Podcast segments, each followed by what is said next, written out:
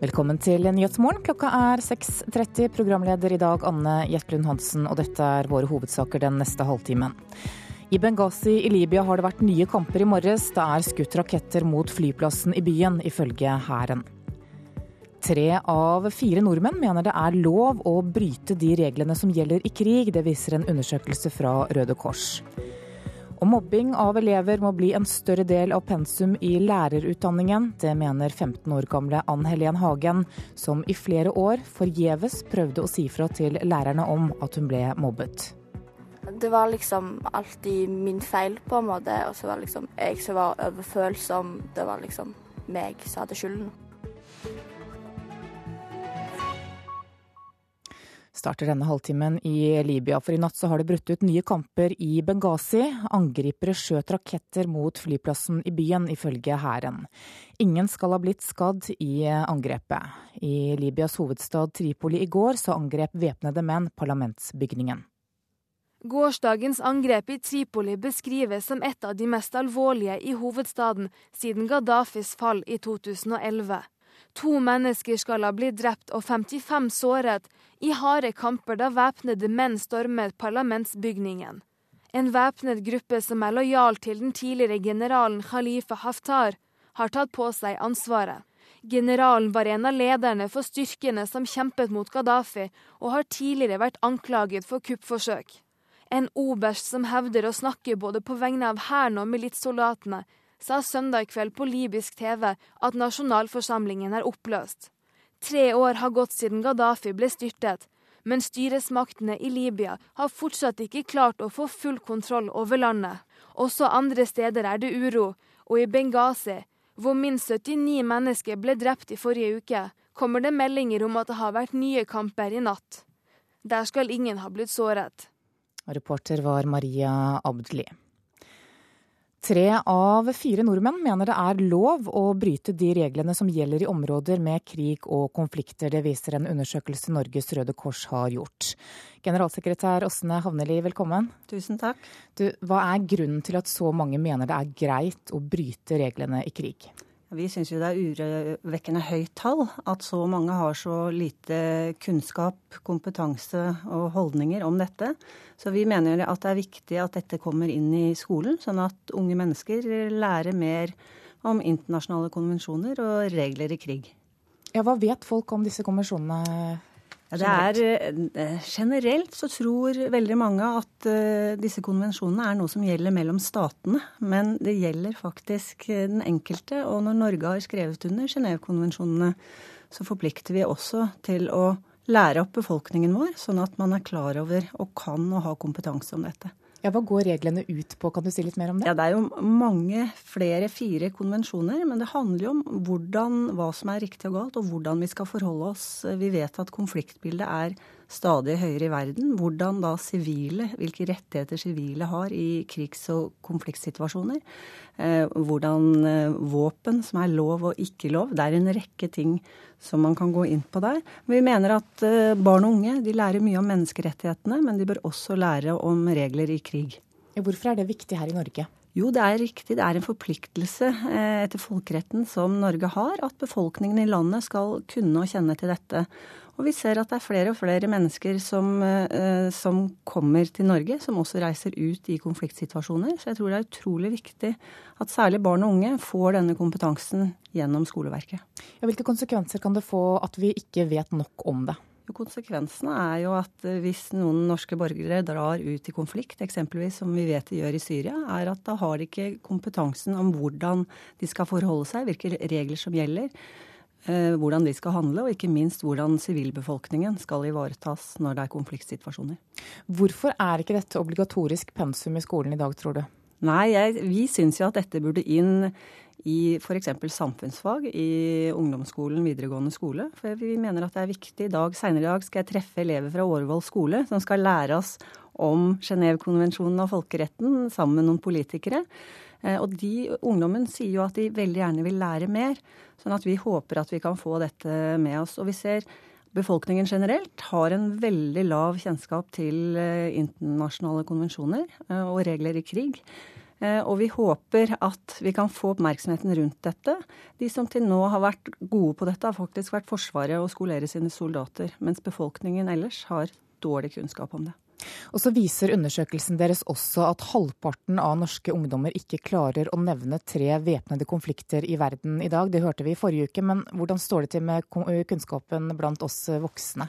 Nei, Vi ser jo det at det er, eh, det er forholdsvis lav kompetanse om det. Og jeg tror det er noe av mediebildet som er årsaken til det. Det er de, de mest aktuelle konfliktene som kommer fram i mediebildet, og så glemmer man alle de andre.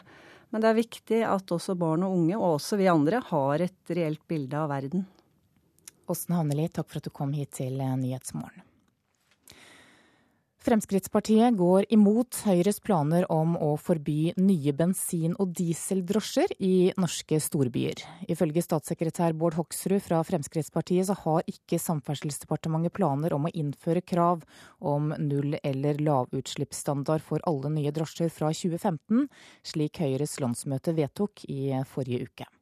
Jeg syns det er spennende at, uh, at, landsmøtet i Høyre har vedtatt det de er, men vi ser ikke, uh, i hvert fall fra Samferdselsdepartementet på nåværende tidspunkt, så ser vi ikke at det er uh, behov for å gjøre det nå. Fordi vi ønsker å bruke positive virkemidler. og Vi ønsker å stimulere til at folk skal tenke miljøvennlig og være miljøvennlig. Og som sagt så tror jeg man gjør det best hvis man gir gulrøtter og ikke kommer med lov, påbud og forbud. Du kan lese mer om dette på NRKs nettsider. NRK .no. Norsk båtbransje har sendt brev til Finansdepartementet og etterlyser klarere svar om kuttet i avgifter på båtmotorer. Regjeringen varslet i forrige uke bortfall av HK-avgiften fra 1.7, og åpnet for overgangsordninger på motorer som ligger på lager. Erlend Prytz i Norboat sier båtforhandlerne fortsatt er redd for at salget i mai og juni skal stanse opp. Det er, hva, hva, gjør det med de båten, eh, motorene unnskyld, som er uh, tatt inn? Det er betalt HK-avgift, og de skal selge til sluttbruker. Hvilke muligheter ligger der for å uh, få refusjon for den avgiften, uh, gitt at man da leverer den båten til forbruker? Er det, som man da har sett i et intervju med statssekretær Nesje, 1.7 og leveringstidspunktet som er er overgangsordningen vil tre i kraft, man kan søke refusjon, eller er det andre ting som kommer på banen? Dette må vi få klarhet i. Men slik som jeg også leste det intervjuet som var gjengitt i går, eller foregårs var det vel, så er det slik at, at leveransen må skje etter 1. juli. Ja, det sa Erlend Prytz i bransjeorganisasjonen Norboat. Nav er nå til stede på norske skoler for å hindre at elever dropper ut av skolen. Tromsø er én av tre byer som tester ut prøveprosjektet Nav i videregående skoler. Og elevene ved Breivika videregående skole, som er én av to skoler i byen som har tilbudet, mener at det er et behov for denne tjenesten. Ja, absolutt. tror jeg. Jeg vet jo sjøl kompis som har fått hjelp via Nav til å komme seg tilbake på skolen. Det sier elever Mathilde Fjelldavli og Jeanette Havnør Fenes. Målet med prosjektet som utføres i Tromsø, Stavanger og Jessheim, er å hindre at elever faller fra undervisninga. Nav-veileder Eirin Ytreberg forteller at det er et lavterskeltilbud som skal bidra til at elever som trenger oppfølging, skal få det raskest mulig. Det er veldig mange ting som jeg kan bistå med. Det kan være alt fra bosituasjon, eller hvis man har mye fravær, eller hvis det er noen sosiale forhold. Omtrent hver fjerde elev i videregående skole dropper ut. For å snu denne utviklinga ønsker Nav og de videregående skolen å styrke samarbeidet. Det er rådgiver ved Breivika, Britt Knutsen, glad for. Vi må komme selvfølgelig inn på et tidligere tidspunkt, og blant oss annet at elevene er informert om tilbudet som vi kan bidra med, bl.a. fra Nav. Ifølge Nav kommer de fleste som har droppa ut av skolen i kontakt med Nav på et tidspunkt i livet. Målet nå er å forebygge i stedet for å reparere. Det tror elev Jeanette er lurt. Det er ganske mye både dropouts og, og andre tilfeller der det er ganske nødvendig å ha Nav. Og reporter her, det var Elise Holdal. Når Jonas Gahr Støre blir pekt ut som den neste lederen i Arbeiderpartiet, så er det trolig det minst konfliktfylte ledervalget i partiet i moderne tid. Det mener historiker Hans Olav Lahlum. For kampene rundt ledervervet i Arbeiderpartiet har ofte vært fulle av konflikter. Kanskje dette er det minst konfliktfylte ledervalget i nyere tid. I den forstand at her eh, tror jeg det har vært veldig lite eh, bråk i kulissene også. Arbeiderpartilederne sitter lenge. De blir valgt enstemmig etter hard kamp. Men eh, det er nok en fellesnevner at det alltid har vært flere som kunne tenke seg vervet. Da den nåværende lederen ble valgt i 2002, var det etter en lang strid med Torbjørn Jagland. Ja, akkurat dette er jeg bitter på, på vegne av partiet. Og jeg gir uttrykk for det. Allerede i 1992 hadde det vært mange som ønska Jens Stoltenberg framfor Jagland, men den gangen svarte han nei til å stille. Ja, det gjorde jeg ikke minst fordi at eh, jeg visste da at Torbjørn Jagland ville bli leder, og han er en utmerket leder.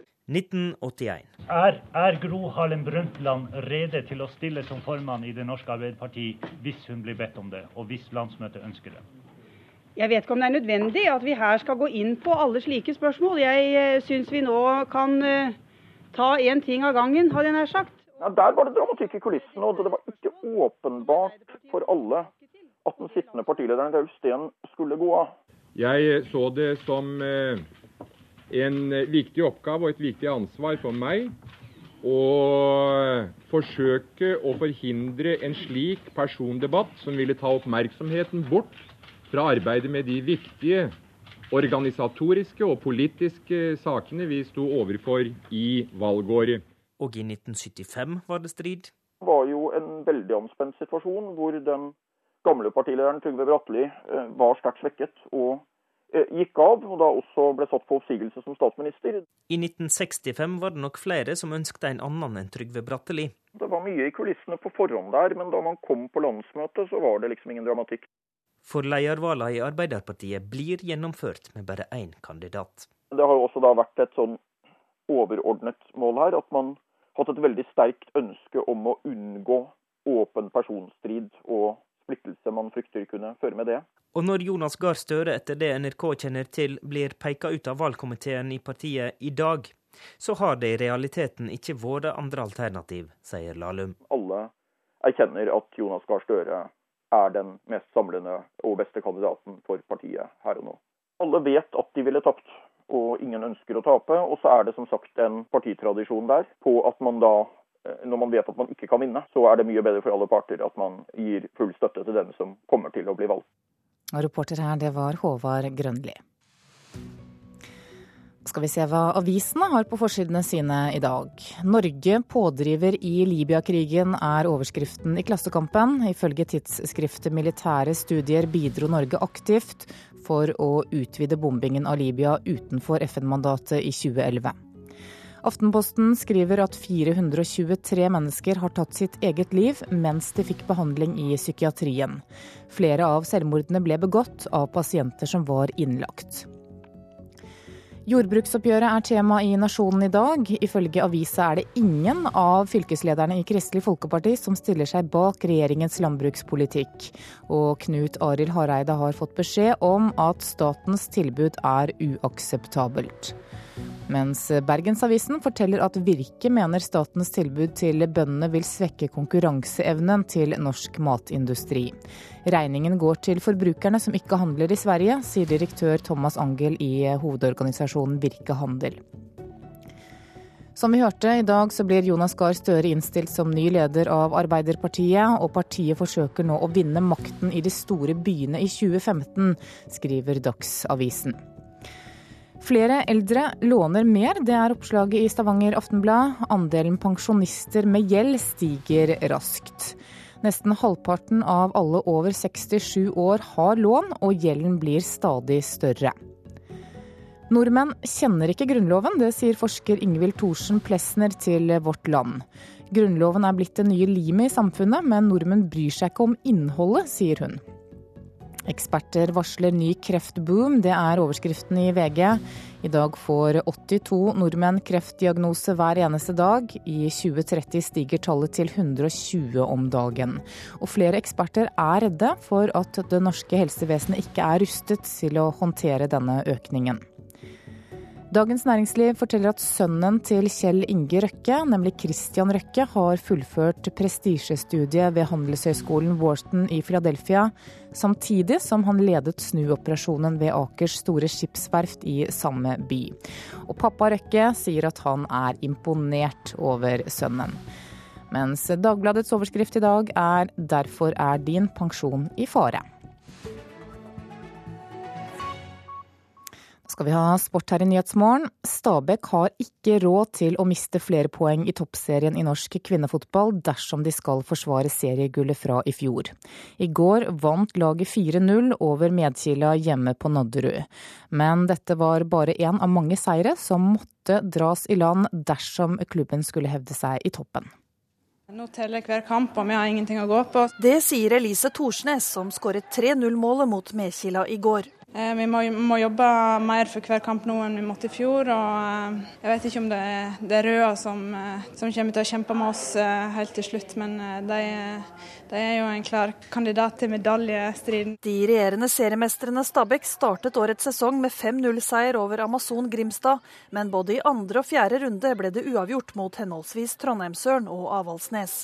Etter Mekila-seieren i går ligger Stabæk på en fjerdeplass, to poeng bak LSK, som topper tabellen på bedre målforskjell enn Røa. Stabæk-trener Øyvind Eide innser at klubben ikke kan gjøre store feil fremover hvis de skal kjempe om seriegullet. Det er jo sånn i denne serien her at du har ikke råd til å gjøre så, så mange feil. og Vi, vi har allerede gjort, uh, gjort, to, og det er altfor tidlig. og har vi fire poeng. Så det, det, er sånne kamper som dette som, som kan bli en felle.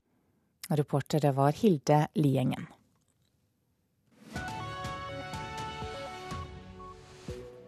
Du hører på Nyhetsmorgen nå. Klokka er 6.46. Dette er hovedsakene våre. I Benghazi i Libya har det vært nye kamper i morges. Det er skutt raketter mot flyplassen i byen, ifølge hæren. Tre av fire nordmenn mener det er lov å bryte de reglene som gjelder i krig. Det viser en undersøkelse fra Røde Kors. Og følg oss videre. Odd Nerdrums forsvarere ber om full frifinnelse når rettssaken mot ham starter i lagmannsretten i dag. Det blir det mer om om noen få minutter. For aller først nå skal det handle om mobbing. Lærere må lære mer om mobbing når de utdanner seg. Det mener 15 år gamle Ann Helen Hagen, som er blitt mobbet i flere år. Opptil 40 000 elever i grunnskolen blir utsatt for mobbing hver eneste uke. Og 15-åringen fra Stavanger mener mange lærere ikke vet hva de skal gjøre når de får meldinger om at barn blir mobbet. Hun har hatt en tøff vei å gå, denne 15 år gamle jenta fra Stavanger. Det er vel mest indirekte mobbing, altså sånn sagt jentemobbing. Både av gutter og jenter. Og så har jeg jo ikke blitt hørt av lærerne når jeg har prøvd å fortelle hva som har skjedd. Det var liksom alltid min feil, på en måte. Og så var det liksom jeg som var overfølsom. Det var liksom meg som hadde skylden. Ann Helen Hagen er et av mange mobbeoffer her i landet. Totalt blir opp mot 40 000 elever i grunnskolen utsatt for mobbing. Jeg prøvde jo å gi beskjed om at jeg følte meg urettferdig behandla, og at det, det ikke burde være sånn. Men det var jo indirekte mobbing, så det er jo ikke så veldig lett å se. Nå vil 15-åringen åpne lærernes øyne. Hun mener mange i landets skoler ikke har kompetanse nok om mobbing. De må jo forstå hvordan vi barn og unge tenker, og hvordan vi oppfører oss. For Hva er det du tenker hadde vært en god løsning for læreren sin del? Det er å endre lærerutdanningen sånn at forebygge, oppdage og håndtere mobbing blir en del av den. Altså, vi har rett på et godt fysisk og psykisk miljø ifølge loven, og da bør vi få det.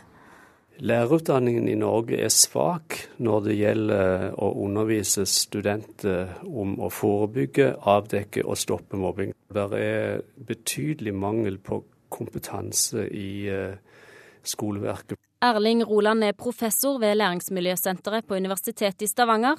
Han mener svært mange lærere her i landet handler helt feil i mobbesaker.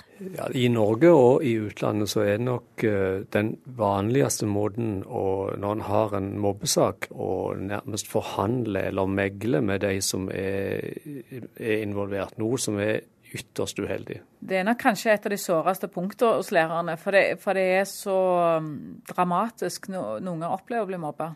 Gunn Reidun Tednes Aasrød er leder for Utdanningsforbundet i Rogaland. Hun forteller at mange lærere ikke føler at de har nok kompetanse om hvordan de skal gripe an meldinger om mulig mobbing. Og en kjenner hele veien at jeg burde gjort mer, eh, jeg burde ha sett. Så jeg tror, altså, Det er vel gjerne noe av det feltet som læreren kjenner på at her, her burde jeg hatt mer kompetanse, og her skulle jeg ønske jeg hadde mer kompetanse. Hun vil at lærerstudentene skal lære mer om klasseledelse, i stedet for mer undervisning konkret om mobbing. Og det er der, eh, men jeg tenker det er, der, det, er det vi må forsterke enda mer. God klasseledelse er veldig viktig for veldig mange ting. Eh, og er den god, så vil risikoen for mobbing bli mindre. Men det er langt fra nok. Klasseledelse er ingen allmennmedisin som, som fjerner mobbing. Du må ha kunnskap og tiltak direkte retta mot mobbing. Jeg tenker jo at det, lærerne burde ikke fått lov til å være lærere uten å ha noe om mobbing. Altså, det burde ikke vært lov. Selv om 15-åringen har mange tøffe skoledager i bagasjen, ser hun allikevel lyst på framtida. Jeg ser positivt på meg sjøl. Jeg har én ting mobberne aldri greid å ta, det er å ta selvtilliten min. Så jeg håper på det beste. Og reporter her, det var Cecilie Berntsen Jåsund. I dag starter rettssaken mot lokføreren som kjørte toget som sporet av på Vestfoldbanen i 2012. Fem personer som var om bord i toget under denne testturen ble sendt til sykehus, og en av dem ble alvorlig skadd. Den 39 år gamle mannen er tiltalt for uaktsomhet, men nekter straffskyld. Han er tiltalt for overtredelse av straffeloven paragraf 151, altså for ved uaktsomhet å ha forvoldt eh, en jernbaneulykke som eh, kunne forårsake tap av menneskeliv og, og, store ødeleggelser. Det sier politiadvokat Pernille Flage. Det ligger jo i en tiltale at vi mener at vi har tilstrekkelig bevis som eh, vil føre til en domfellelse, og derfor er tiltalen tatt ut. Ulykken skal ha skjedd fordi lokomotivføreren overså et skilt med påbud om 70 km i timen. Dermed raste det fem vogner lange Flørtoget inn i en sving med en fart på 130 km i timen. Den 39 år gamle lokføreren erklærer ikke straffskyld, det sier hans forsvarer Harald Stabel. Han erkjenner de faktiske forhold, men eh, ikke at han har utvist straffbar uaktsomhet, og således kan eh, straffes for forholdet. Rettssaken går i Nordre Vestfold tingrett, og det er satt av tre dager til saken. Reporter her var Helena Rønning. Odd Nerdrums forsvarere ber om full frifinnelse når rettssaken mot ham starter i dag. I 2012 så ble kunstneren dømt til fengsel i to år og ti måneder i Borgarting lagmannsrett for grov skattesvindel. Men i fjor så ble dommen opphevet av Høyesterett, og denne uken skal lagmannsretten behandle saken på nytt. Vi vil argumentere med full frifinnelse. Det sier advokat Pål Berg, som sammen med John Christian Elden utgjør Odd Nerdrums forsvarerteam. Når rettssaken starter i dag, har de to med seg bevis som hittil ikke er blitt lagt fram for retten i straffesaken mot kunstneren. Nerdrum er tiltalt for å ha solgt bilder for om lag 14 millioner kroner uten å betale skatt av inntektene. Berg mener den nye dokumentasjonen viser noe helt annet. Det som er et faktum, er at det er to sjekker på til sammen 2000 dollar som ikke er oppgitt. Men eh, tiltalen eh, har et utgangspunkt i 2 millioner og 3000 dollar. Og på det grunnlag så vil vi begjære frifinnelse. Dokumentene som ble gravd fram av Dagbladet, består bl.a. av bankutskrifter og ligningspapirer, som ifølge forsvarerne viser at Nerdrum har betalt skatt av inntektene sine. Det som er, kan være et eh, spørsmål er om han har oppgitt inntektene til rett tid, eventuelt til rett land. Det er ikke et grunnlag for at man skal komme i fengsel for skatteunndragelse. Men de nye opplysningene forandrer ikke aktors syn på saken, sier statsadvokat Asbjørg Lykken. Nei, altså De opplysningene som er fremkommet, de vil, jo, vil, vi jo behandle når vi er i lagmannsretten. og Så får vi jo en uh, forklaring på disse opplysningene, og så får man ta en vurdering av hva dette eventuelt medfører. Men foreløpig så kan ikke påtalemyndigheten se at det medfører noen endringer i forhold til vårt utgangspunkt. Og påtalemyndighetens utgangspunkt er at Odd Nerdrum har gjort seg skyldig i et grovt skattesvik. I 2012 dømte lagmannsretten kunstneren til to år og ti måneder i fengsel. I fjor ble dommen opphevet av Høyesterett, som mente den var for dårlig begrunnet. Dermed ble straffesaken sendt tilbake til lagmannsretten, og i dag starter altså rettssaken mot ham på nytt. Odd Nerdrum selv er sliten av alle rettssakene, sier advokaten hans. Hele prosessen har vært en voldsom belastning for ham. Men eh, for ham så vil det være en eh, befrielse å bli ferdig med hele saken. Det er satt av fem dager til rettssaken i Borgarting lagmannsrett. Reporter var Halvor Haugen. Norske museer trenger milliarder av kroner til å vedlikeholde kulturhistoriske bygninger. Anno museum, tidligere Hedmark fylkesmuseum, har landets største samling, og har nylig kartlagt forfallet til 250 millioner kroner. Og nå må de gjøre noen vanskelige valg. Her, her er det et flistak som er helt gåent, ser du. Håndverker Knut Arild Nordli sjekker tilstanden på landets største samling av gamle trehus. Her er det måse og det lekker, så her må du gjøre noe tiltak med en gang. Husene ved Anno museum trenger vedlikehold for 250 millioner kroner. Penger museet aldri vil få. Og da er det klart at det er kanskje en del bygninger vi må se på om vi skal eh, nedprioritere da vedlikeholdet og eventuelt kanskje å la andre få lov til å overta. Administrerende direktør i Anno museum, Harald Jacobsen, har allerede gjort de første salgene. Vi har solgt eh, to bygninger i Anne museum i de siste årene. Og museet i Hedmark er ikke alene om problemet. Norske museer eier 5000 kulturhistoriske bygninger, så det totale vedlikeholdsbehovet er enormt. Eh, vi vet at, eh, at, en stor del av eh, de 5000 bygningene museene håndterer, er ikke tilfredsstillende registrert, og at mye av de har problemer med bevaringsforhold og, og istandsetting osv. Sier leder for museumsseksjonen i Kulturrådet, Espen Hernes. Her kjenner dere tydelig, her er det, her er det helt lealøst. Så her er det en råteskade inni. Jobben Knut Arild har gjort, viser at det ved museet i Hedmark vil koste en halv million kroner i snitt å sette bygningene i skikkelig stand. Overføres det til landsbasis, vil det si at forfallet er på 2,5 milliarder. Her er det selvfølgelig enkelt å begynne å gange opp. Eh, nå kjenner ikke jeg helt til grunnlaget til Hedmark fylkesmuseums eh, gjennomgang, men at det er store tall er ingen tvil om. Det er jo veldig trist at det blir sånne høye tall, men eh, det skyldes jo flere generasjoner med forsømt vedlikehold. Oi, her var det hult. Direktøren i Hedmark innser at det årlige vedlikeholdsbudsjettet ikke holder tritt med forfallet. Salg av enkelte bygninger er ett alternativ. Enklere og rimeligere vedlikehold et annet. Det er klart at eh, det er jo de valgene vi nå skal gjøre. Hva skal vi ivareta på en ordentlig måte fremover? Det, er dommen på det Eh, det vil jo det være fremtida som skal gi. Og det synes jeg er et tungt ansvar å ha på mine skuldre. Det sa direktør ved Anne museum i Hedmark, Harald Jacobsen, og reporter det var Torunn Myhre. Da skal vi se på et værvarsel som gjelder til midnatt. Fjellet i Sør-Norge kan vente seg skiftende bris i dag. Spredte regnbyger i Langfjella, ellers stort sett opphold og perioder med sol. Østlandet og Telemark skiftende bris, for det meste oppholdsvær og perioder med sol, men mulighet for enkelte lokale regnbyger. Agder kan vente seg østlig bris i dag, for det meste skyet vær. Enkelte regnbyger, særlig i indre deler. Fra i ettermiddag perioder med sol, og etter hvert oppholdsvær i hele området. Rogaland skiftende bris, skyet eller delvis skyet. Enkelte regnbyger, særlig i ettermiddag. Hordaland og Sogn og Fjordane skiftende bris, oppholdsvær og perioder med sol, men utrygt for enkelte ettermiddagsbyger med torden i indre strøk. Møre og Romsdal og Trøndelag skiftende bris fra i ettermiddag nordøstlig bris på kysten. Til dels pent vær, men utrygt for enkelte ettermiddagsbyger med torden.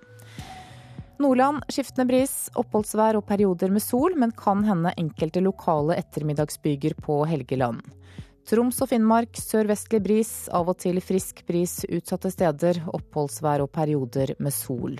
Og på Nordensjøland på Spitsbergen er det ventet skiftende bris i dag. Skyet, mulighet for litt snø av og til. Så tar vi med noen temperaturer som ble målt klokka fem. Da hadde Svalbard lufthavn minus to grader. Kirkenes og Vardø fem. Alta seks. Tromsø-Langnes fem. Bodø 10. Brønnøysund 8, Trondheim-Værnes 11, Molde 8, Bergen-Flesland 9, Stavanger 10, Kristiansand-Kjevik 11, Gardermoen 13, Lillehammer 11, Røros 7. Og på Oslo-Blindern så var det 14 plussgrader da klokka var fem i morges. NRK P2. Et israelsk flyselskap eh, vil ha væpnede vakter på fly i Norge. FN kritiserer sin egen innsats i Afghanistan. Her er NRK Dagsnytt klokken sju. Et israelsk flyselskap vil ha væpnede vakter på fly mellom Norge og Israel i sommer. Samferdselsdepartementet bekrefter at de vurderer spørsmålet om væpnede vakter. Tidligere luftfartsdirektør Otto Lagerhus har lang erfaring fra internasjonal flytrafikk. Han sier slike vakter er vanligere enn vi tror.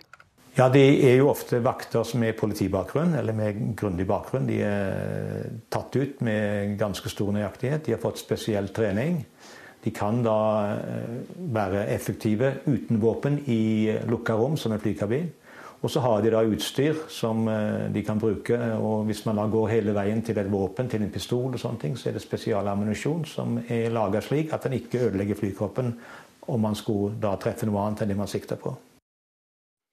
FN feller en nådeløs dom over sin egen innsats i Afghanistan. FNs utviklingsprogram, UNDP, har eh, bistått med nærmere 15 milliarder kroner til Afghanistan de siste fire årene for å bekjempe korrupsjon, fattigdom, styrke rettsvesenet og fremme demokratiet. Men mener at resultatene er for dårlige sett i lys av det de har investert, konkluderer FN med i en ny rapport. Norge bidro med over to milliarder kroner til FN i fjor. Eksperter her hjemme varsler ny kreftboom. I dag får 82 nordmenn kreftdiagnose hver eneste dag. I 2030 stiger tallet til 120 om dagen, viser beregninger Kreftregisteret har gjort. Flere eksperter sier til VG i dag at de frykter det norske helsevesenet ikke er rustet til å håndtere denne økningen. Rettssaken mot lokføreren som førte Flirt-toget som sporet av på Vestfoldbanen under en testkjøring i 2012, starter i Nordre Vestfold tingrett i dag. En mann ble alvorlig skadet i avsporingen, og de materielle ødeleggelsene var på rundt 75 millioner kroner. Den 39 år gamle mannen er tiltalt for uaktsomhet, men nekter straffskyld, sier forsvareren hans Harald Stabel. Han erkjenner de faktiske forhold, men ikke at han har rust utvist straffbar uaktsomhet, og således kan eh, straffes for forholdet. Kringkastingssjefen eh, her i NRK, Tor Gjermund Eriksen, vil selge Kringkastingshuset her på Marienlyst i Oslo og bygge nytt eh, et annet sted. Det skriver Dagens Næringsliv. Meglere anslår ifølge avisen at NRK kan få to milliarder kroner for byggene. NRK Dagsnytt, Ida Creed. Klokka er 7.03 og Nyhetsmorgen fortsetter med Anne Jetlund Hansen i studio. Dette er hovedsakene våre nå. Et eh, israelsk flyselskap ønsker å bruke væpnede vakter på fly mellom Norge og Israel. Hvilke konsekvenser kan det få, spør vi. Sykehusene klarer ikke å oppfylle den såkalte kreftgarantien, som har som mål at de fleste pasientene skal slippe å vente mer enn 20 arbeidsdager på å starte behandling. Og Norge gir ytterligere 372 millioner kroner i nødhjelp til Sør-Sudan. Utenriksministeren er på vei hit til Nyhetsmorgen nå for å fortelle hvordan disse pengene skal brukes. Kommer en væpnet vakt om bord i et fly til å øke sikkerheten for passasjerene, eller blir det farligere nettopp fordi vakten har et skytevåpen med seg? Det er spørsmålet som norske myndigheter må ta stilling til. Et flyselskap har nemlig søkt om lov til å bruke væpnede vakter på flygninger til og fra Norge i sommer.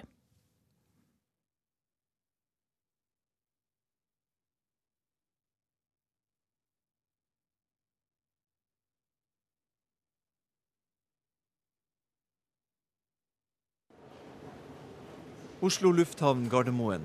Det er hit det israelske flyselskapet Arkia vil fly turer fra Israel i sommer.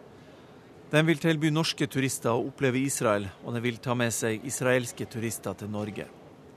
Men israelerne er vant til å være et terrormål. Derfor har de søkt norske myndigheter om tillatelse til å ha væpna vakter om bord på disse flygningene. Det er ingen overraskelse for Otto Lagerhus. Nei, det er jeg ikke overraska over. Den tidligere luftfartsdirektøren har lang erfaring som ruteflyger. Han har vært i ledelsen for SAS, og han har jobba mange år som konsulent i internasjonal luftfart. Du må ta med andre flyselskaper som flyr til eh, Tel Aviv. Det er kjent som en destinasjon som de har vakter på, på slike flyvninger. Så også andre europeiske flyselskap som flyr til Israel, eh, vil naturlig ha væpna vakter om bord? Det er min oppfatning, ja. I Samferdselsdepartementet bekrefter statssekretær Jon Ragnar Aarseth at de nå jobber med spørsmål som gjelder væpna vakter på fly fra utenlandske selskap. Men han vil ikke bli intervjua om saken. Både Det internasjonale flygerforbundet og det norske er motstandere av væpna vakter på fly, sier Lars Arne Vestfossen. Han har ansvar for sikkerhetsspørsmål i Norsk Flygerforbund. Er det først kommet våpen om bord i et fly, så selv om det er vakter som selvfølgelig har uh, fått opplæring på det, så finnes det alltid en sannsynlighet for at det kan komme på avvei allikevel. Men kan det ikke øke tryggheten for passasjerene?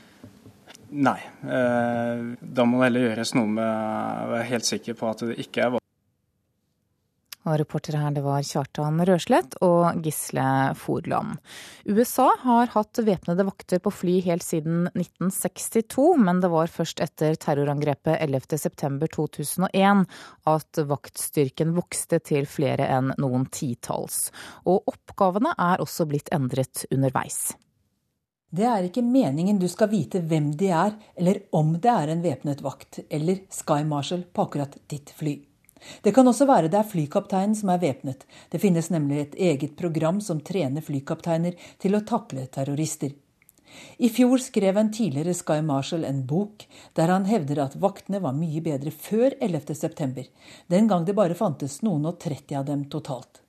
Da var kravet at de måtte tilhøre den beste prosenten blant verdens skyttere, og de var sikkerhetsklarerte for topp hemmelig. Deres rolle var like mye å samarbeide med etterretningen for å avdekke trusler, som akkurat det å fly som vakter. Nå har de mer rene vaktfunksjoner, men Departementet for indre sikkerhet nekter å si hvor mange de er. I 2012 skal det ha vært minst 3500 væpnede flygende vakter, men budsjettet og antallet blir gradvis redusert. Trolig er det høyst én av 100 flyavganger som har en væpnet vakt om bord, hevdet fjernsynskanalen CNN alt før budsjettet ble redusert. Men ingen terrorist skal føle seg trygg på at akkurat det flyet han eller hun har som mål, er blant de 99% uten vakt. Groholm, Washington.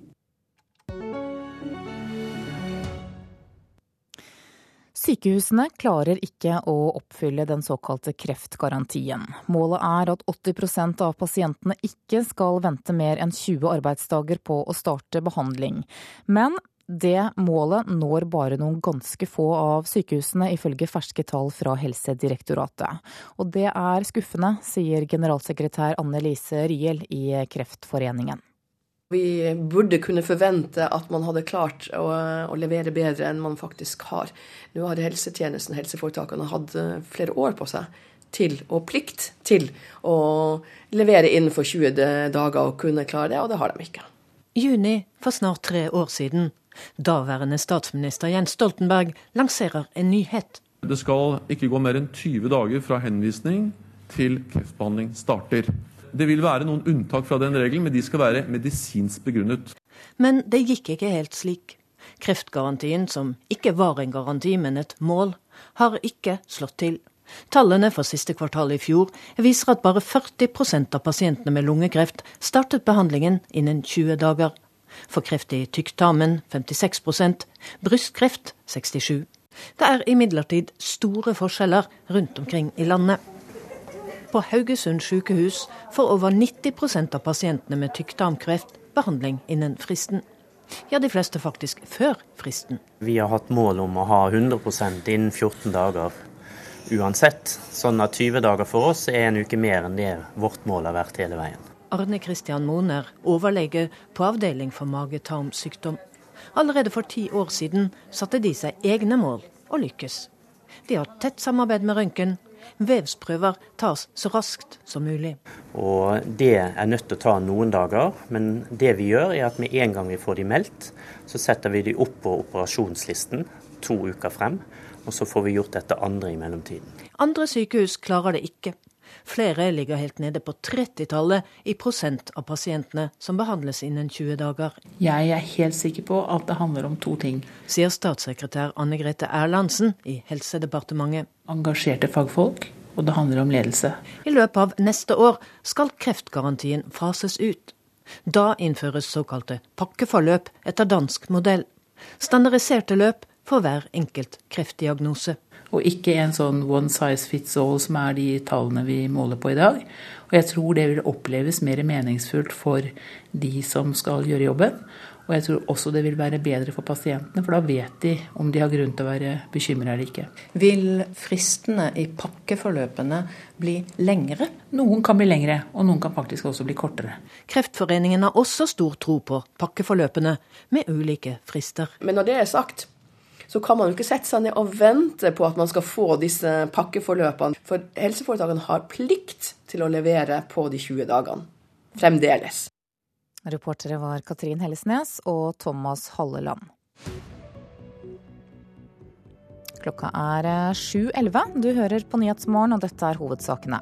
Et israelsk flyselskap ønsker å bruke væpnede vakter på fly mellom Norge og Israel. Norge gir ytterligere 372 millioner kroner i nødhjelp til innbyggerne i Sør-Sudan. Og 100 ansatte ved hjørnesteinsbedriften Lierne bakeri venter nå på beskjeden om de får fortsette i jobben, eller om bakeriet skal legges ned. I morgen kommer avgjørelsen. Men først skal det handle om situasjonen i Libya. For i natt så har det vært nye kamper i Benghazi. Det er skutt raketter mot flyplassen i byen, ifølge hæren.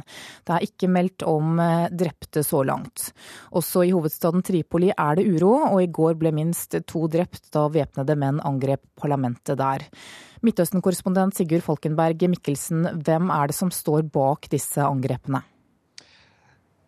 I Benghazi så er det styrker som er lojale til en eh, tidligere offiser eh, i eh, hæren, general, general Haftar.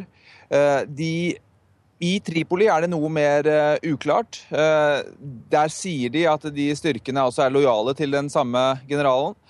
Om det er tilfellet, har ennå ingen brakt helt på det rene.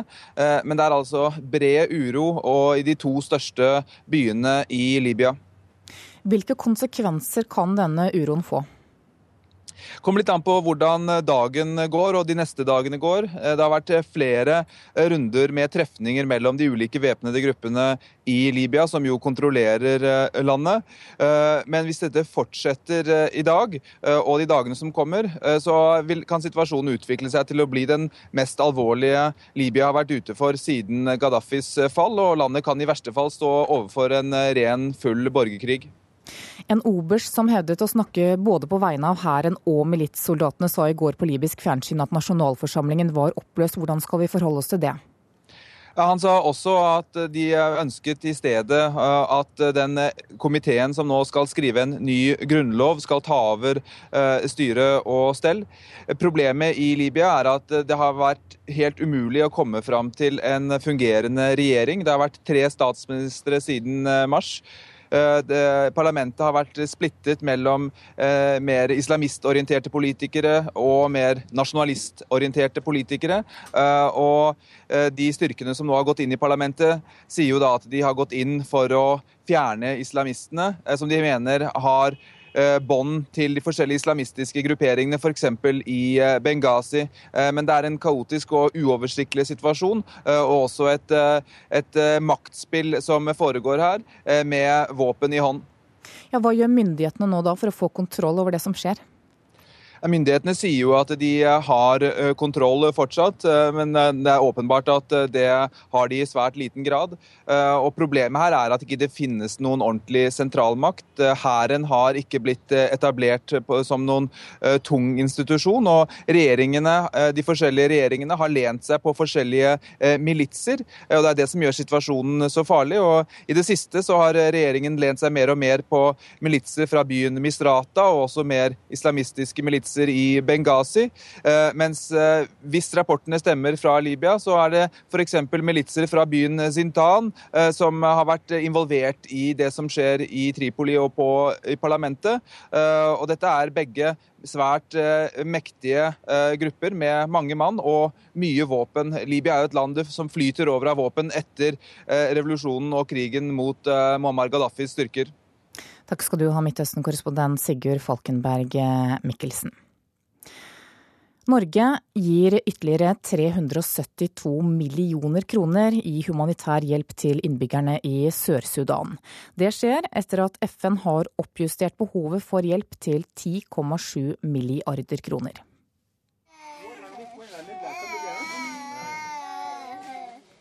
Et overfylt sykehus drevet av Leger uten grenser i byen Leer i Sør-Sudan.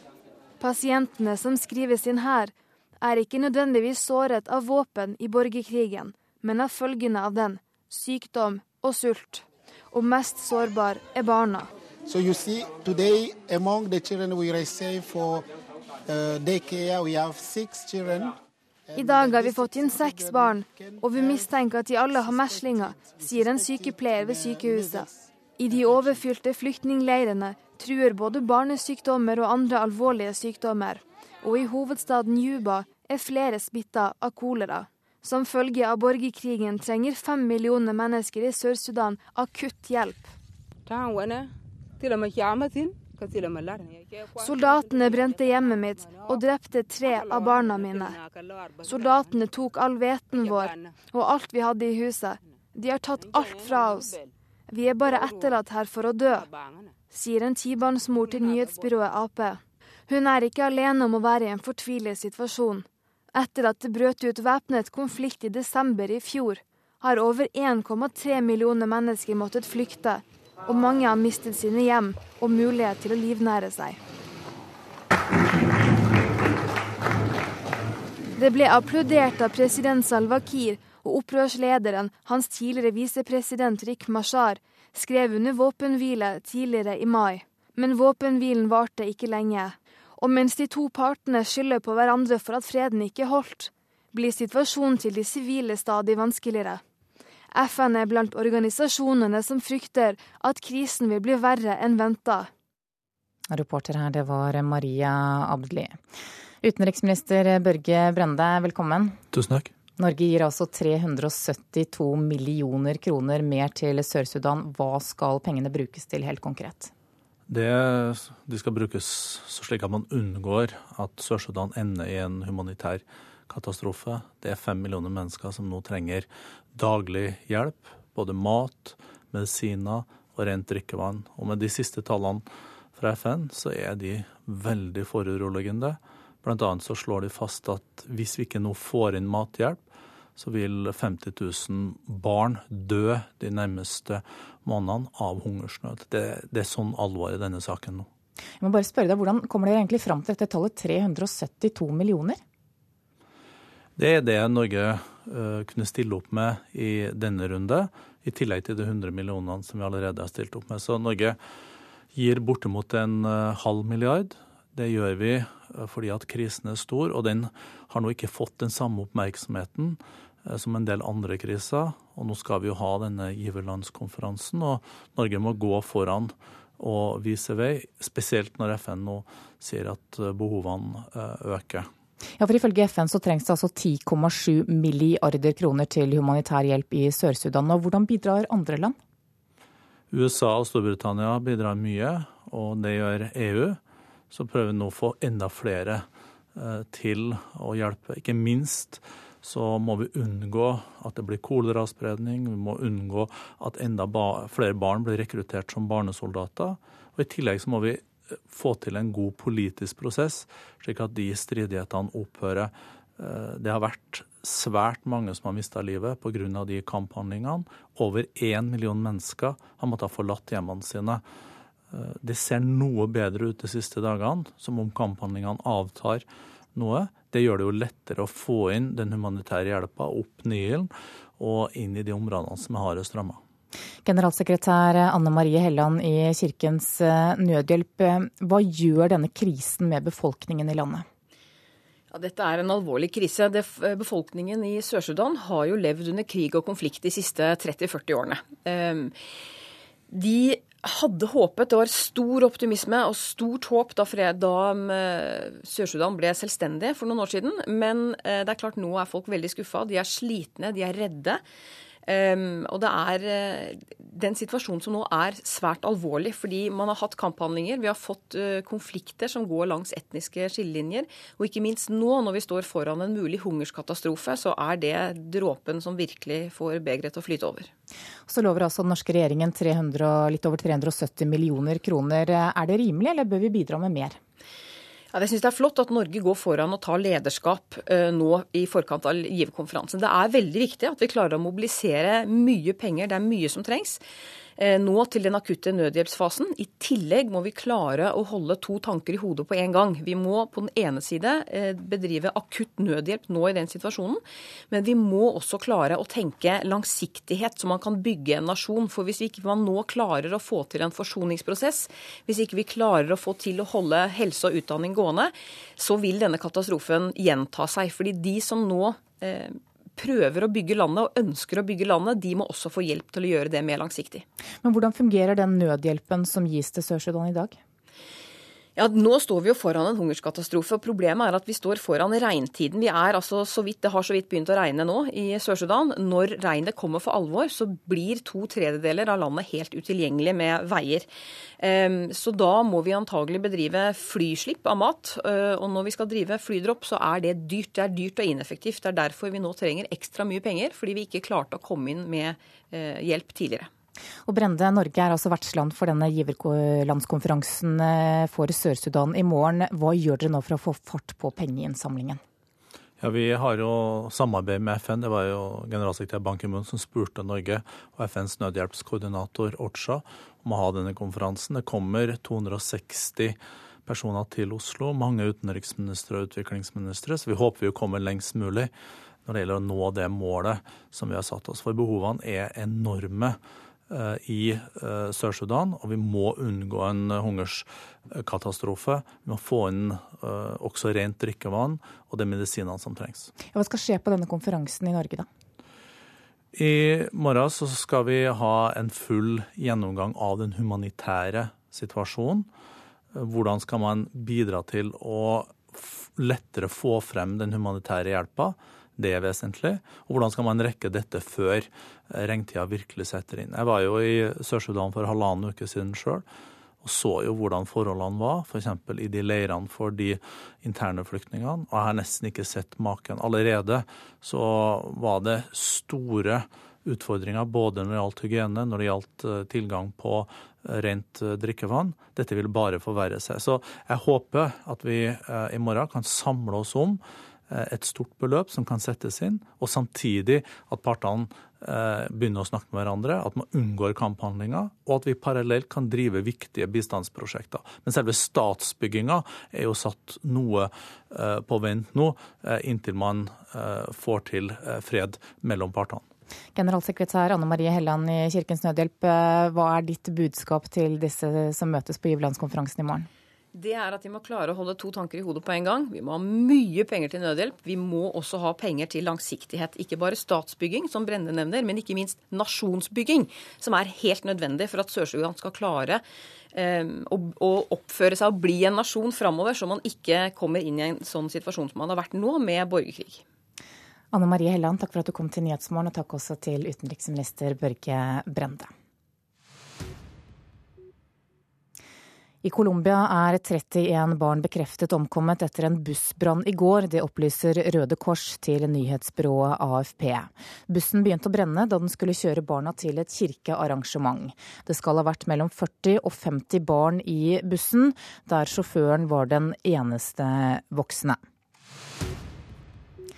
I Nigeria ble minst fire mennesker drept og mange skadd etter at en bilbombe eksploderte i byen Kano i eh, sent i går kveld. Eksplosjonen skjedde i en bydel der det bor mange kristne.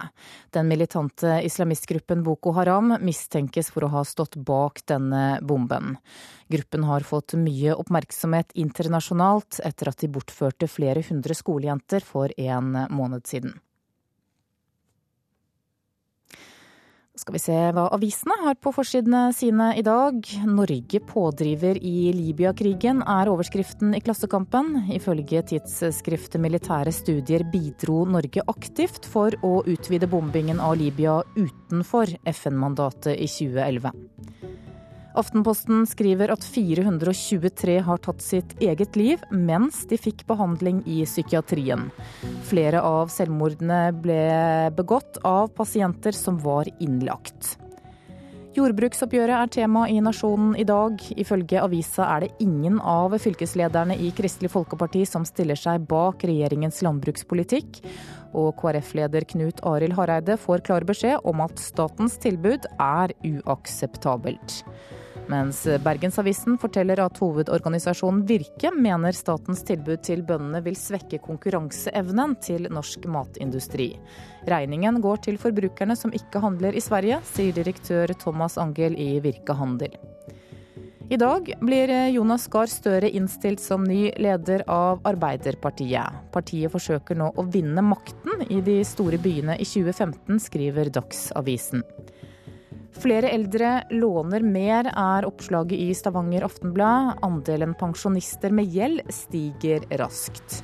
Nesten halvparten av alle over 67 år har lån, og gjelden blir stadig større.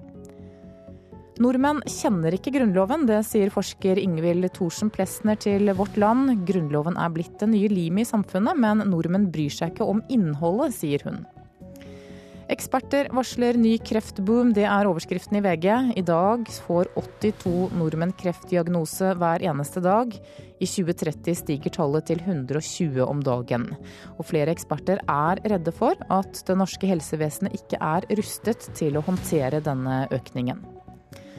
Dagens Næringsliv forteller at sønnen til Kjell Inge Røkke, nemlig Christian Røkke, har fullført prestisjestudiet ved handelshøyskolen Warston i Philadelphia, samtidig som han ledet snuoperasjonen ved Akers store skipsverft i samme by.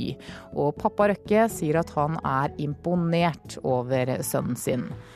Mens Dagbladets overskrift er 'Derfor er din pensjon i fare'. Etter et halvt år med venting så avgjør Orkla i morgen om Lierne bakeri i Nord-Trøndelag blir lagt ned eller ikke. Bakeriet er hjørnesteinsbedriften i Lierne. 100 ansatte står i fare for å miste jobben, og kommunen skjelver før avgjørelsen. Jeg håper jo virkelig at de tenker på det at Lierne bakeri bør være, være i Lierne. For det er jo her det starta, og folket har jo tilknytning til produktene òg. Det har gått et halvt år siden nyheten kom om at Lierne bakeri tapte store penger, og at bedriften kunne bli lagt ned. Da tillitsvalgt i bakeriet Silje Merete Elstad ble intervjua for noen uker siden, frykta hun hva en nedleggelse ville bety for kommunen. Det er klart det blir sårt for eh, hele bygda, og nabobygdene både på svenskesida òg, hvis Lierne bakeri ikke blir her. Det blir fraflytting, det blir mindre familier, hus blir stående tom. 100 ansatte står i fare for å miste jobben. Nå kommer avgjørelser når styret i Orkla Foods møtes tirsdag for å diskutere framtiden. Det er tre alternativer som er mulige. Og Det ene det er å fortsette å investere i Lierne etter de ansattes eh, forslag. Eh, to det er å flytte virksomheten i Lierne til enten Stranda eller til Arna. Og Det vil da bety å legge ned virksomheten i Lierne. Tredje mulighet er å selge virksomheten i Lierne. Det sier kommunikasjonssjef i Orkla Foods Norge, Bjørn Brenskag. Styret i Orkla vil besøke bakeriet på onsdag for å fortelle om de ansattes skjebne. 15% av innbyggerne i Lierne jobber i hjørnesteinsbedrifter. Konsekvensen av nedleggelse er dramatisk for de ansatte og den lille fjellbygda. Ordfører Alf Robert Arvasli velger å holde seg optimist. Nei, Det blir jo utrolig spennende. da. Og det, vi har ikke fått noe signal på hvilken vei det bedre. Så Det blir en utrolig spennende dag. Jeg tror nok eh, generelt det er sånn at man er veldig bekymra hvis det skulle bli en nedleggelse. da. Jeg er vel optimistisk og tror at eh, det må gå bra. Det, det er litt vanskelig å tenke seg noe annet. Nei, Blir det lagt ned, så må jeg flytte meg. Så, så enkelt er det. Jeg håper virkelig at det ikke skjer. Reporter her, det var Johannes eh, Børstad. Du lytter til Nyhetsmorgen. Klokka nærmer seg 7.30 og Dagsnytt. Og i reportasjen etter det så skal det handle om valget på nytt EU-parlament, der 400 millioner europeere skal avgi stemme. Produsent for Nyhetsmorgen i dag er Kari Bekken Larsen, og her i studio Anne Jetlund Hansen. Og dersom du har tips eller kommentarer, så send oss gjerne en e-post. Adressen er nyhetsmorgen, krøllalfa, nrk.no.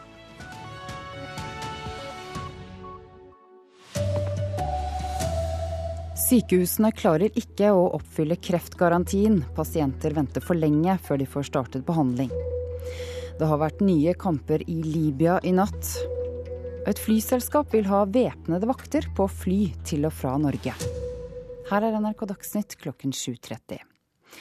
Sykehusene klarer ikke å oppfylle kreftgarantien. Målet er at 80% av pasientene ikke skal vente mer enn 20 arbeidsdager på å få starte behandling. Men det målet når bare noen ganske få av sykehusene, ifølge tall fra Helsedirektoratet. Veldig skuffende.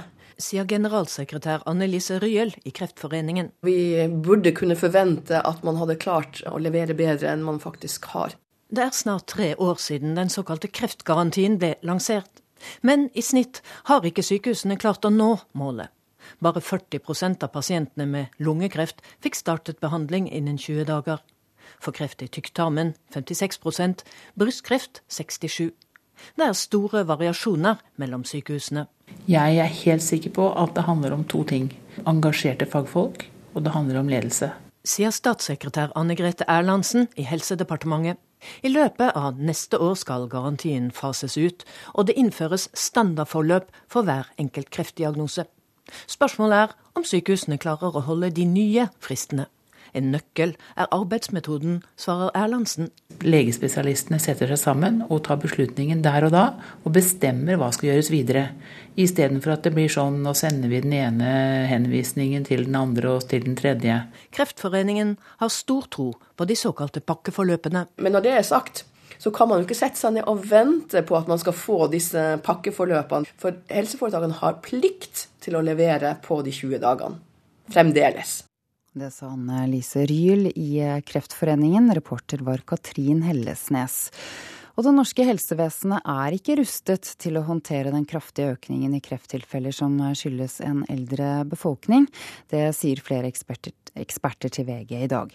Det er ventet at antallet tilfeller kommer til å øke med over 40% de neste 15 årene.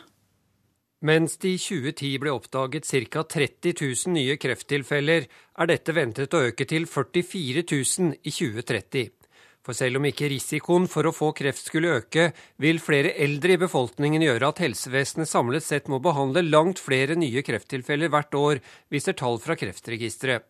Samtidig er det sånn at bedre behandling og medisiner gjør at stadig flere lever lengre med den kreften de har fått. Tusenvis av flere pasienter må dermed følges opp med kontroller og behandlinger. I sum betyr dette at vi trenger økt kapasitet og flere kreftleger, mener ekspertene. Også i Helsedepartementet er de klar over denne utfordringen. Det sier statssekretær Anne Grete Erlandsen. Vi får jo stadig flere personer med kreft i landet fordi vi lever lenger og lenger. og er større sannsynlighet for å pådra oss kreft. Og det gjør at det blir flere. Og det gjør at innenfor noen fagområder innenfor, eh, hos legene våre, så vil vi mangle noen fagfolk. Og det betyr at vi kanskje må jobbe på en ny måte der også, for å holde tritt med den kapasiteten som trengs for framtida. Det planlegger vi i Helseplan. Reporter eh, Tom Ingebrigtsen.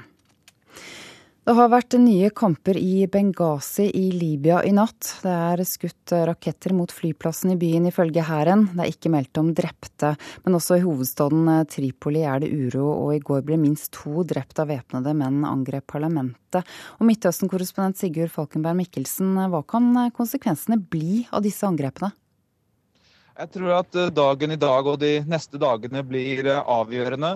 Fortsetter krigføringen, kan dette i verste fall gå mot eh, full krig mellom de væpnede gruppene. Det er en uklar situasjon nå. De som angrep, sier at de har oppløst parlamentet, og at de heller vil at den grunnlovsgivende forsamlingen skal styre, mens regjeringen sier at den fortsatt har kontroll. Eh, uansett så er det politisk veldig ustabilt. Det har vært tre statsministre siden mars, og landet har ennå ikke fått på, plass en ny grunnlov siden Gaddafis eh, fall. Ja, Som du sier, en oberst eh, sa i går på libysk fjernsyn at nasjonalforsamlingen var oppløst. Hvordan forholder folk i Libya seg til det? Folk er først og fremst slitne og lei av de væpnede gruppene som kontrollerer landet. Det har vært noen eh, protester, eh, men de er maktesløse og blir stående og se på, altså offer for denne uroen. Eh, dette har ikke blitt slik de hadde håpet etter Gaddafis fall. Og denne pågående maktkampen om både om landets ressurser og om den politiske makten, den gjør jo at det er veldig vanskelig for vanlige folk å se en bedre framtid i Libya. Takk til deg, Midtøsten-korrespondent Sigurd Falkenberg Mikkelsen. Et israelsk flyselskap ønsker å bruke væpnede vakter på fly mellom Norge og Israel i sommer. Norske myndigheter har, eh, myndigheter har, tidligere sagt at de er skeptiske til slike ordninger. Men eh, tidligere luftfartsdirektør Otto Lagarhus mener det kan øke sikkerheten for passasjerene. Og han er ikke overrasket over at eh, et israelsk selskap vil bruke væpnede vakter. Ja, Det er nok mer vanlig enn vi tror. Og grunnen til det er rett og slett at det er jo en del urolige soner rundt om i verden. Og et flyselskap er ansvarlig for å kunne hevde sikkerheten. Det er det israelske flyselskapet Arkia som vil lande her på Oslo lufthavn Gardermoen i sommer. Tanken er å bringe israelske turister til Norge og nordmenn til Israel. På disse turene har selskapet søkt om å få bruke vakter med våpen om bord. Otto Lagerhus mener at en bevæpna vakt kan være en god idé på en del flygninger. Det viktigste med, med, dette er jo at de bruker vakter som er kvalifisert og som er trent spesielt i denne jobben. I Samferdselsdepartementet bekrefter statssekretær Jon Ragnar Aarseth at de nå jobber med spørsmål som gjelder væpna vakter på fly fra utenlandske selskap. Mer vil han ikke si. Norsk Flygerforbund advarer sterkt mot væpna vakter. Det sier sikkerhetsansvarlig i forbundet, Lars Arne Vestfossen. Er det våpen om bord, så er det jo også en eh, fare for at det kan være skuddavløsning. Og en kabin, flykabin er ikke designa for det. Den erfarne SAS-flygeren og tidligere luftfartsdirektøren Otto Lagerhus mener at de fleste store europeiske flyselskap bruker vakt med våpen på utsatte flygninger. Da har de ammunisjon som ikke skal skade flyet om noe går galt. Jeg vil heller ha en dyktig, veltrent vakt som passer på meg, i stedet for å ikke ha noen der i hele tatt om noen ting skulle skje. Reporter her var Kjartan Rørslett. USA har hatt væpnede vakter på fly helt siden 1962. Det er ikke meningen du skal vite hvem de er, eller om det er en væpnet vakt eller Sky Marshal på akkurat ditt fly. Det kan også være det er flykapteinen som er væpnet. Det finnes nemlig et eget program som trener flykapteiner til å takle terrorister. I fjor skrev en tidligere Sky Marshal en bok der han hevder at vaktene var mye bedre før 11.9., den gang det bare fantes noen og 30 av dem totalt. Da var kravet at de måtte tilhøre den beste prosenten blant verdens skyttere, og de var sikkerhetsklarerte for topp hemmelig. Deres rolle var like mye å samarbeide med etterretningen for å avdekke trusler, som akkurat det å fly som vakter. Nå har de mer rene vaktfunksjoner, men Departementet for indre sikkerhet nekter å si hvor mange de er. I 2012 skal det ha vært minst 3500 væpnede flygende vakter, men budsjettet og antallet blir gradvis redusert. Trolig er det høyst én av 100 flyavganger som har en væpnet vakt om bord, hevdet fjernsynskanalen CNN alt før budsjettet ble redusert. Men ingen terrorist skal føle seg trygg på at akkurat det flyet han eller hun har som mål, er blant de 99 prosentene uten vakt. Groholm, Washington. Når Jonas Gahr Støre i dag blir pekt ut som den neste lederen i Arbeiderpartiet, er det sannsynligvis det minst konfliktfylte ledervalget i partiet i moderne tid. Det sier historiker Hans Olav Lahlum. Kanskje dette er det minst konfliktfylte ledervalget i nyere tid. Og når Jonas Gahr Støre, etter det NRK kjenner til, blir peka ut av valgkomiteen i partiet i dag, så har det i realiteten ikke vært andre alternativ. Alle vet at de ville tapt, og så er det som sagt en partitradisjon der på at man da, eh, når man vet at man ikke kan vinne, så er det mye bedre for alle parter at man gir full støtte til den som kommer til å bli valgt. Reporter Håvard Grønli. Det er fortsatt en ørliten sjanse for at Norge når kvartfinalen i ishockey-VM. Men det skal mye til, sier landslagssjef Roy Johansen. I går tapte Norge 1-0 for Tsjekkia. Hvis det er en uh, syltynn teori, så henger vi selvfølgelig på mot Canada. Det kommer vi til å gjøre uansett. Aller siste mulighet til å nå en kvartfinale kommer i morgen, når Norge og Canada barker sammen. Teori landslagssjef Johansen ikke helt har troen på, er som følger.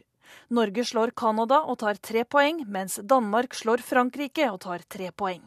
Danskene taper på overtid for Slovakia, og Tsjekkia tar minst ett poeng fra Frankrike. Det er mye som skal gå inn da, men det har skjedd før, så vi, vi får bare håpe. Reporter Hilde Liengen. Ansvarlig for Dagsnytt-sendingene denne morgenen er Arild Svalbjørg, teknisk ansvarlig Hanne Lunås. Jeg heter Ida Creed.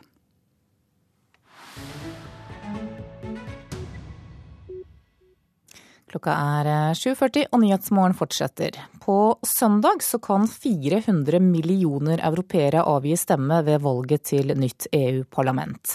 Men under halvparten av dem vil delta i valget, ifølge prognosene. Og selv om Europaparlamentet har fått mer makt de siste årene, så er det laber interesse for valgkampen. Arnt Stefansen har sendt oss denne reportasjen fra Berlin.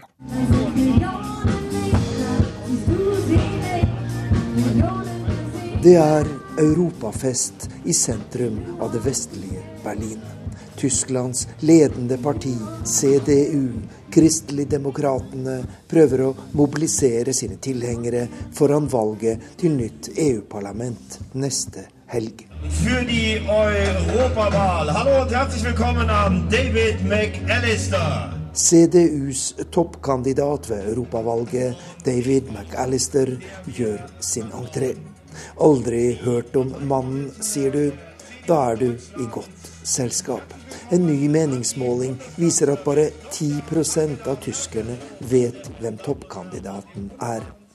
Og tre yngre deltakere på valgmøtet innrømmer gjerne at europavalg ikke er det de vet mest om. Hva betyr dette valget for deg, spør jeg den 25 år gamle Jessica. Hva bedeutet die Europawahl für Sie?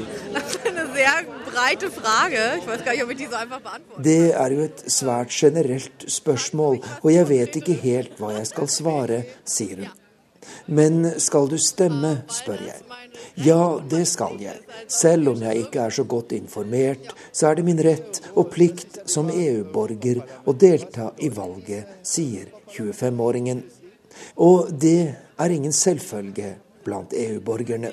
Ved forrige europavalg i 2009 deltok bare 43,3% av velgerne, og ifølge prognosene blir tallet neppe særlig høyere i år.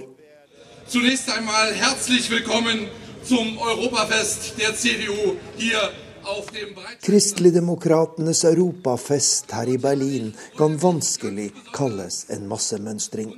Et par tusen mennesker er til stede, til tross for at kveldens hovedtaler heter Angela Merkel, Europas ledende politiker og Tysklands største kjendis. Og til tross for at det er valget til nytt EU-parlament møtet handler om, så velger Angela Merkel å snakke om de store ideene og om to dystre jubileer i Europa dette året. Wie viele Sorgen mussten sich die Mütter von jungen Männern damals machen? Hvilke sorger hadde ikke mødrene til de unge menn som for 100 år siden ble kalt til tjeneste i den første verdenskrig? Og for 75 år siden startet en ny krig, den annen verdenskrig, som brakte enda større ofre. I dag kan unge mennesker i EU-landene vokse opp i fred og frihet takket være kloke mennesker som la gammelt fiendskap bak seg og utviklet det europeiske samarbeidet, sier forbundskansler Angela Merkel. Kann. Til stede på valgmøtet i Berlin er Ingo Kale, politisk kommentator og en kjent stemme i radiokanalen Info Radio Berlin. Han har dekket flere europavalg og slår fast at slike valg aldri har greid å fenge EU-borgerne, til tross for at de har pågått hvert femte år helt siden 1979. Jeg tror den viktigste grunnen er at EU-parlamentet har mye mindre makt og betydning enn et parlament i en nasjonalstat, sier han. Men EUs folkevalgte har fått større innflytelse. Budsjett, personal og lovsaker er noen eksempler. Og det nye ved årets valg er at valgets vinner med stor sannsynlighet også blir EU-kommisjonens nye president. Så får vi se om det fører til større valgdeltakelse, sier kommentatoren. Det var altså Ernst Hansen som hadde fulgt valgkampen før valget til Europaparlamentet i Berlin.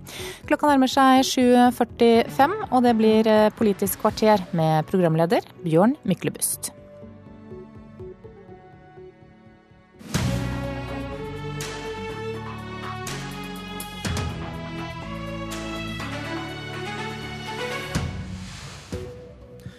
Mange ble overrasket da Arbeiderpartiet var med på å overkjøre oljeselskapene på fredag. Ingen blir overrasket når Jonas Gahr Støre blir utpekt som ny leder i Arbeiderpartiet i dag. Blir Jonas grønnere enn Jens? Eller er dette et bedre spørsmål? Ville Arbeiderpartiet kjørt over Statoil hvis de satt i regjering? Arbeiderpartiet sikret flertall for at alle plattformene på Utsira skal drives med miljøvennlig kraft fra land, selv om Statoil ikke var ferdig med sin utredning. Og Kjetil Alstein, kommentator i Dagens Næringsliv, de ga Statoil en på tygga, som du skriver. Tror du det var påtroppende eller avtroppende Arbeiderpartileder som knyttet neven? Det var i hvert fall et Arbeiderparti som er kommet ut av regjering, og som er i ferd med å stramme opp klimapolitikken sin. Du har skrevet bok om hvordan Jens Stoltenberg snakker om klima og tenker om det. I dag kommer valgkomiteen til å peke på Jonas Gahr Støre som ny leder. og Hva vet du om hvordan han tenker? Jeg tror han eh, tenker, ser behovet for å gjøre litt andre ting enn bare det som er eh, den samfunnsøkonomiske oppskriften som eh, Jens Stoltenberg har et, et nært og kjært forhold til. Jeg tror han vil at Jonas Gahr Støre vil tenke litt friere når det gjelder tiltak som Jens Stoltenberg ville se på som som litt tvilsom symbolpolitikk. Ja.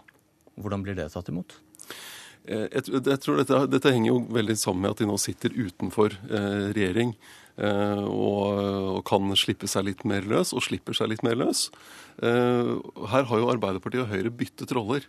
Da Høyre var i opposisjon og forhandlet om klimaforlik i 2007 og 2008, så konkurrerte jo Høyre nærmest med SV om, om de friskeste klimamålene. Nå er Høyre i regjering og ser både kostnadene og har et litt mer nøkternt utgangspunkt for å vurdere klimaeffekten av hva man faktisk gjør, og om det er verdt pengene. Teknologioptimisten Jens ville vel aldri tenkt tanken på å frede f.eks. Lofoten og Vesterålen som er omstridt. Hva tror du Jonas Gahr Støre tenker? Ja, han, han, jo ikke, han er jo nødt til å tenke sammen med partiet. Så han kan ikke Dette handler jo om hva Arbeiderpartiet som helhet gjør. Jeg tror det er litt Jeg har ikke noe grunnlag for å, å si at Støre ville gjort noen andre valg der enn en Stoltenberg. Kristin Clemet, leder i Civita. Men, men jeg tror han, ja. han, han, har litt mer sansen for å se litt sånn symboler. Og, og går ikke og Hvis han tenker at dette er viktig for å, og for å selge inn og forklare hva som er verdiene til Arbeiderpartiet i klimapolitikken, så tror jeg Støre har ja, Han faller litt mer for en sånn verdibasert retorikk, da. Kristin Clemet, leder i Civita. Du er vel sjelden imponert over Arbeiderpartiet, men mener du fredagen peker seg ut? Nei, jeg, jeg er forbauset over eh, behandlingsmåten her på flere plan. Eh, det ene er hvordan man kortslutter behandlingen i Stortinget. Det er en av 14 dager til innstilling i saken egentlig skal avgis. Eh, og hvor opposisjonen, inklusive Venstre og KrF, erklærer at de har gått sammen om dette vedtaket mot regjeringspartienes vilje uten at de var informert. Det vil jo ikke akkurat bedre samarbeidsforholdene på borgerlig side. Men viktigere er jo selve saken. Dette er jo en kjempestor sak med svært store konsekvenser. Altså et prosjekt i 100 milliarder kroners-klassen. Hvor man også kortslutter selve saksbehandlingen. Og på grunnlag av et Dokument 8-forslag, altså det er et A4-ark et, et A4 med tekst, så fatter man altså vedtak før man har oversikt over konsekvensene. Statoil kjenner ikke konsekvensene av det vedtaket som nå kanskje skal fattes, og det gjør da selvfølgelig heller ikke stortingsrepresentantene. Men det har jo vært antydet at én mulig konsekvens er et års utsettelse og et tap på 20 milliarder kroner. Og Det syns jeg minner om uforsvarlig saksbehandling. Og Det siste er at jeg syns dette er et ganske godt eksempel på dårlig eierstyring. Eh, fordi Norge er jo berømt for å ha et stabilt og godt forvaltningsregime, og faktisk også en veldig god og profesjonell Eh, eierstyring av statsselskapene generelt. Selv om det har vært noen unntak hvor dette ikke har fungert så godt, så er det det, det generelle bildet. Og det man gjør nå, er å gripe inn i en enkeltsak og endre rammebetingelsene eh, et år før man egentlig skulle behandle saken. Og det svekker tilliten til staten som eier, tilliten til statsselskapene. Og det går egentlig utover lønnsomheten i alle selskapene hvis dette skal bli et mønster. Men hvis Statoil utreder seg vekk fra det Stortinget vil, mm. Er det da så rart at Stortinget setter ned foten og vil inn tidligere i disse prosessene? De må gjøre det på eh, slik at rollefordelingen og oppgavefordelingen er klar, og gjennom de organene som eh, skal behandle saker i henhold til aksjelovene, i henhold til den statens eierskapspolitikk. Så hvis man mener at dette er et eksempel på at man bør endre forvaltningsregimet eller endre forvaltningspolitikk, så bør man gjøre det på et generelt grunnlag og ikke gripe inn i en enkeltsak. Nå ser jeg at noen stortingsrepresentanter sier at de må begynne å gripe inn i enkeltsaker på den måten. Det mener jeg er veldig veldig skadelig eh, overfor selskapene, overfor lønnsomheten i selskapene og tilliten til staten som eier. Og så er det andre representanter som sier at dette er et enkelttilfelle. Men det er også skadelig at det viser seg at eh, Stortinget er villig til å gripe inn i enkeltsaker på denne måten. Og det er litt rart når man tenker på hvor mange politikere som er engasjert i det potensielt skadelige ved at lederne i disse bedriftene tjener litt mer eller får en litt høy lønnsøkning.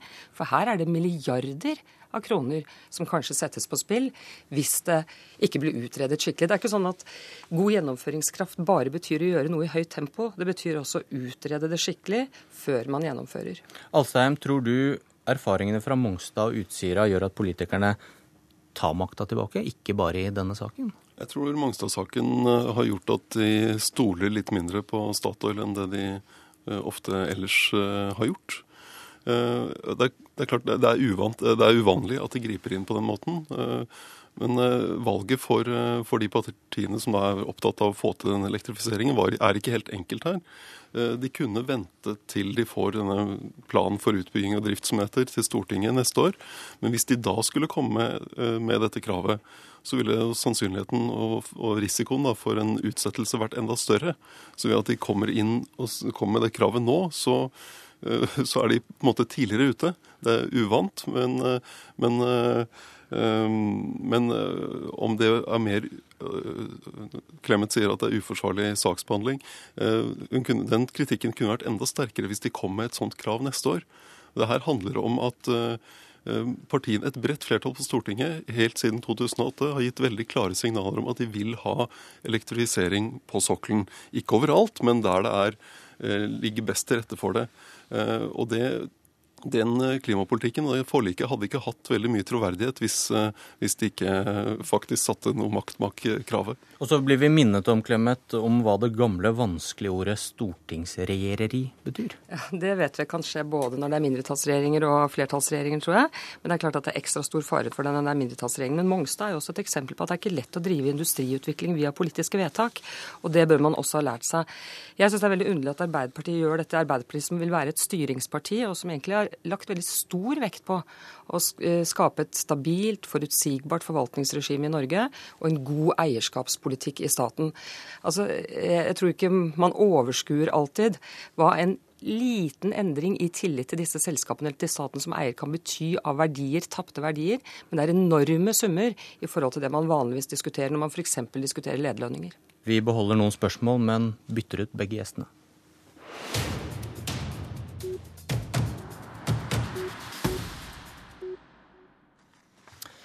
Inn kommer Eskil Pedersen, leder i AUF. Velkommen. Tusen takk. Hvordan kjenner du Jonas Gahr Støre som miljøpolitiker? Jeg kjenner Jonas som en som er opptatt av eh, å gi eh, ordentlig troverdige svar på det som er de største utfordringene våre. Og klima er den aller største utfordringen. Og der har vi verken som parti eller som land gjort nok. Eh, og jeg opplever at eh, Jonas eh, ønsker å gjøre Arbeiderpartiet enda grønnere. Og tenker, tenker han annerledes enn Stoltenberg på disse spørsmålene? Du hørte hva Alstaheim var inne på her? Jens er definitivt også veldig opptatt av klima. Har jo hatt det som en hjertesak som statsminister.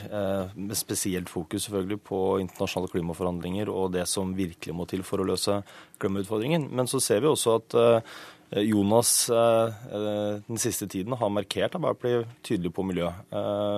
Tok initiativ til forslaget om å trekke oljefondet ut av kullinvesteringer.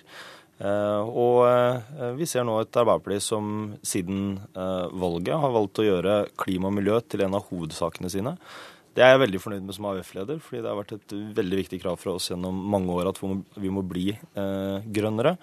Det har vi fått gjennomslag for nå, eh, og vi er i gang. Det er jo mye politikkutvikling som må skje de neste årene, men vi ser allerede begynnelsen på noe. Men Tror du det er større sjanse for at olje og gass utenfor Lofoten og Vesterålen får ligge med Jonas Gahr Støre som eh, partileder? Det er jo ikke verken partilederen, om den heter eh, Jens eller Jonas, som avgjør politikken til Arbeiderpartiet. Det er det jo Arbeiderpartiet sitt landsmøte som gjør. Det har litt å si, har det ikke det? Det har litt å si. Og Jonas var ute før landsmøtet i Arbeiderpartiet i 2013 og, og sa at han eh, var skeptisk eh, til oljeboring i Lofoten og Vesterålen. Det syns jo vi er, er veldig bra.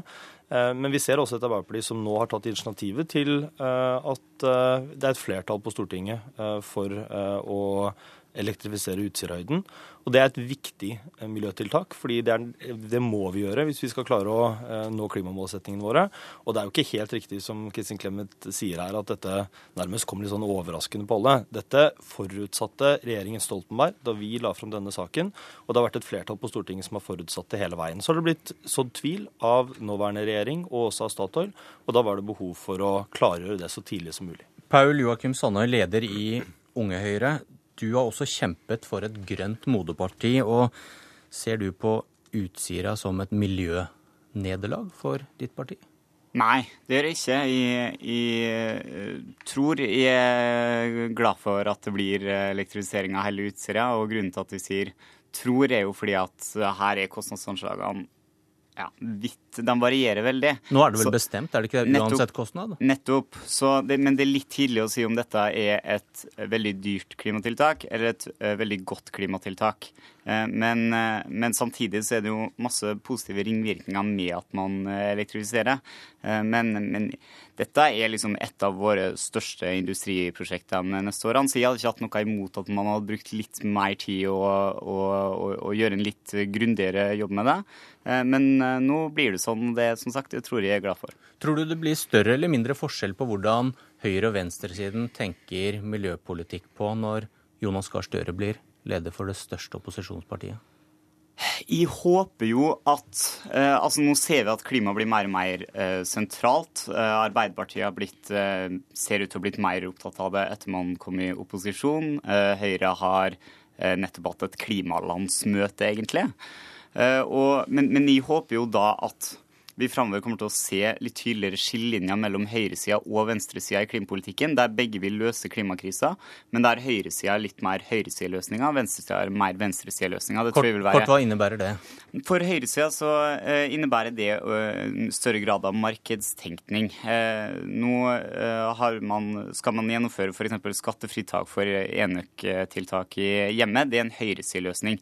Neste høyresideløsninga bør være å senke røde skatter og avgifter, altså eiendom og arbeid og sånn, eh, og øke grønne skatter og avgifter. Og da vrir du hele markedet til å jobbe i miljøets tjeneste. Ser du, ser du den forskjellen, Pedersen? Jeg tror i hvert fall vi eh, kommer til å se tydeligere forskjeller på høyre- og venstresiden. Fordi vi har en regjering som eh, ikke hittil i hvert fall har vært veldig opptatt av å verken snakke om eller gjøre noe med den største utfordringen vår, nemlig klima. Og jeg tror vi kommer til å se et Arbeiderparti som tydeligere kommer til å gjennomføre tiltak nasjonalt som monner, som har noe å si for hvordan eh, Norges utslipp kommer til å, å, å gå framover. Og nå med Utsira-vedtaket så begynner vi å ane en veldig tydelig miljøopposisjon mot denne regjeringen. Eh, jeg gir full anerkjennelse til at Unge Høyre brukte landsmøtet til Høyre til å løfte klimasaken. Det er veldig bra. Men dessverre så ser vi jo bare i dag da, at eh, Fremskrittspartiet er ute og avlyser det eneste ordentlig kort, konkrete tiltaket. Så det er jo vanskelig å få gjennomslag i et stort parti om å endre kursen på miljø. Eh, så, så jeg ønsker å gjøre lykke til, men når de i tillegg sitter i regjering med klimafornektere, så blir det enda mer komplisert. Frykter du at det har dannet seg et nytt miljøflertall mot regjeringen nå? Nei, eh, absolutt ikke. Og jeg tror at denne regjeringa her kommer til å ikke bare matche en rød-grønn på miljø, men Eh, også være enda mer offensive med Frp. Eh, og det er bl.a. fordi man ikke har Arbeiderpartiet som bremsekloss eh, i regjering. Paul Joakim Sandøy, Eskil Pedersen, takk for at dere kom til Politisk kvarter, som var ved Bjørn Myklebust. Hør flere podkaster på nrk.no podkast.